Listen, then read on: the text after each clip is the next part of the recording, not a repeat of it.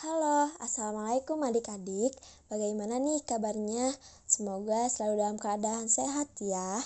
Sekarang kita akan belajar lagi bersama Kak Sofi mengenai gangguan pernapasan. Coba disimak baik-baik ya penjelasan berikut ini. Jenis gangguan pernapasan yang umumnya terjadi pada saluran pernapasan manusia yaitu 1. Episema 2. Pneumonia 3. Influenza atau flu 4. Asma 5. Tonsilitis 6. Aspiksi Jenis gangguan pernapasan yang umum terjadi pada saluran pernapasan manusia yaitu 1. Empisema 2. Pneumonia 3. Influenza 4. Asma 5. Tonsilitis dan 6. Aspiksi Yang kedua yaitu pneumonia. Pneumonia yaitu penyakit radang paru-paru yang disebabkan oleh bakteri Diplococcus pneumonia. Akibat peradangan alveolus dipenuhi oleh nanah dan lendir sehingga oksigen sulit berdifusi mencapai darah. Pneumonia adalah suatu penyakit infeksi atau peradangan pada organ paru-paru yang disebabkan oleh bakteri, virus, jamur, ataupun parasit di mana pulmonari alveolus yang bertanggung jawab menyerap oksigen dari atmosfer menjadi inflame dan terisi oleh cairan. Pneumonia dapat juga disebabkan oleh iritasi kimia atau fisik dari paru-paru atau sebagai akibat dari penyakit lainnya seperti kanker paru-paru atau terlalu banyak minum alkohol. Namun, penyebab yang paling sering ialah serangan bakteria Streptococcus pneumonia atau pneumococcus. Penyakit pneumonia sering kali diderita sebagian besar orang yang lanjut usia dan mereka yang memiliki penyakit kronik sebagai akibat rusaknya sistem kekebalan tubuh. Akan tetapi, pneumonia juga bisa menyerang orang yang masih muda yang bertubuh sehat. Terjadinya penyakit pneumonia yaitu gejala yang berhubungan dengan pneumonia termasuk batuk, sakit dada, demam, dan kesulitan bernapas. Sedangkan tanda-tanda penderita pneumonia dapat diketahui setelah menjalani pemeriksaan X-ray atau ronsen dan pemeriksaan sputum. Yang ketiga yaitu influenza. Influenza disebabkan oleh virus influenza.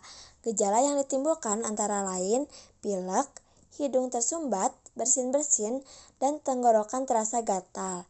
Influenza merupakan suatu penyakit infeksi akut saluran pernapasan, terutama ditandai oleh demam, gigil, sakit otot, sakit kepala, dan sering disertai pilek, sakit tenggorokan, dan batuk yang tidak berdahak.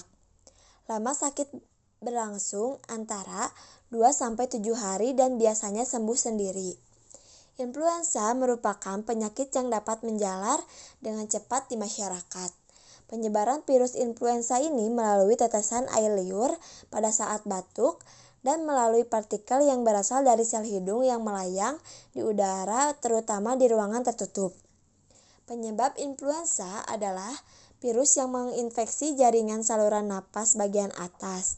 Gejala pada penderitaan influenza umumnya pasien mengeluh demam, sakit kepala, sakit otot, batuk, Pilek terkadang disertai sakit pada waktu menelan dan serak.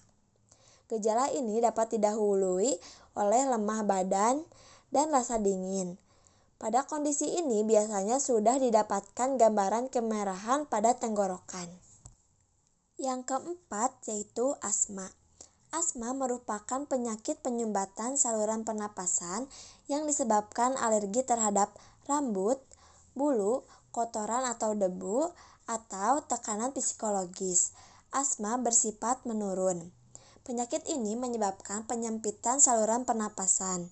Penyakit ini dapat disebabkan oleh alergi. Gejala awal berupa batuk terutama pada malam hari atau dini hari, sesak napas, napas berbunyi yang terdengar jika pasien menghembuskan napasnya, kemudian rasa berat di dada, dan dahak sulit keluar.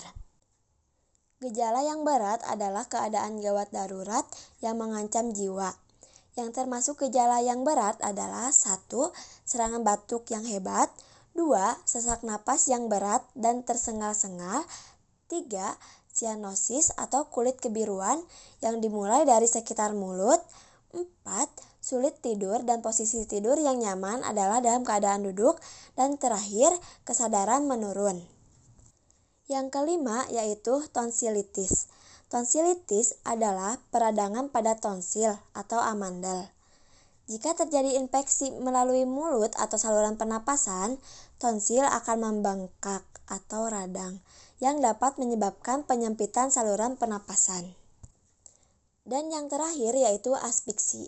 Aspiksi adalah gangguan pernapasan pada waktu pengangkutan dan penggunaan oksigen yang disebabkan oleh beberapa akibat, yaitu tenggelam akibat alveolus terisi air, yang kedua, pneumonia akibatnya alveolus terisi cairan lendir dan cairan limpa. Yang ketiga, keracunan karbon oksida dan HCN atau yang keempat, gangguan sistem sitokrom atau enzim pernapasan. Penyakit ini menyebabkan terganggunya pengangkutan oksigen ke sel-sel atau jaringan tubuh. Gangguan pada proses pengikatan oksigen yang sering terjadi adalah aspiksi. Hal ini terjadi karena adanya kompetisi antara oksigen dan zat lain yang dapat berikatan dengan hemoglobin. Nah, adik-adik bagaimana? Sekarang sudah tahu kan jenis gangguan pernapasan yang umumnya sering terjadi pada manusia? Mudah-mudahan adik-adik dapat memahaminya ya. Terima kasih. Tetap semangat belajarnya. Jangan lupa selalu jaga kesehatan.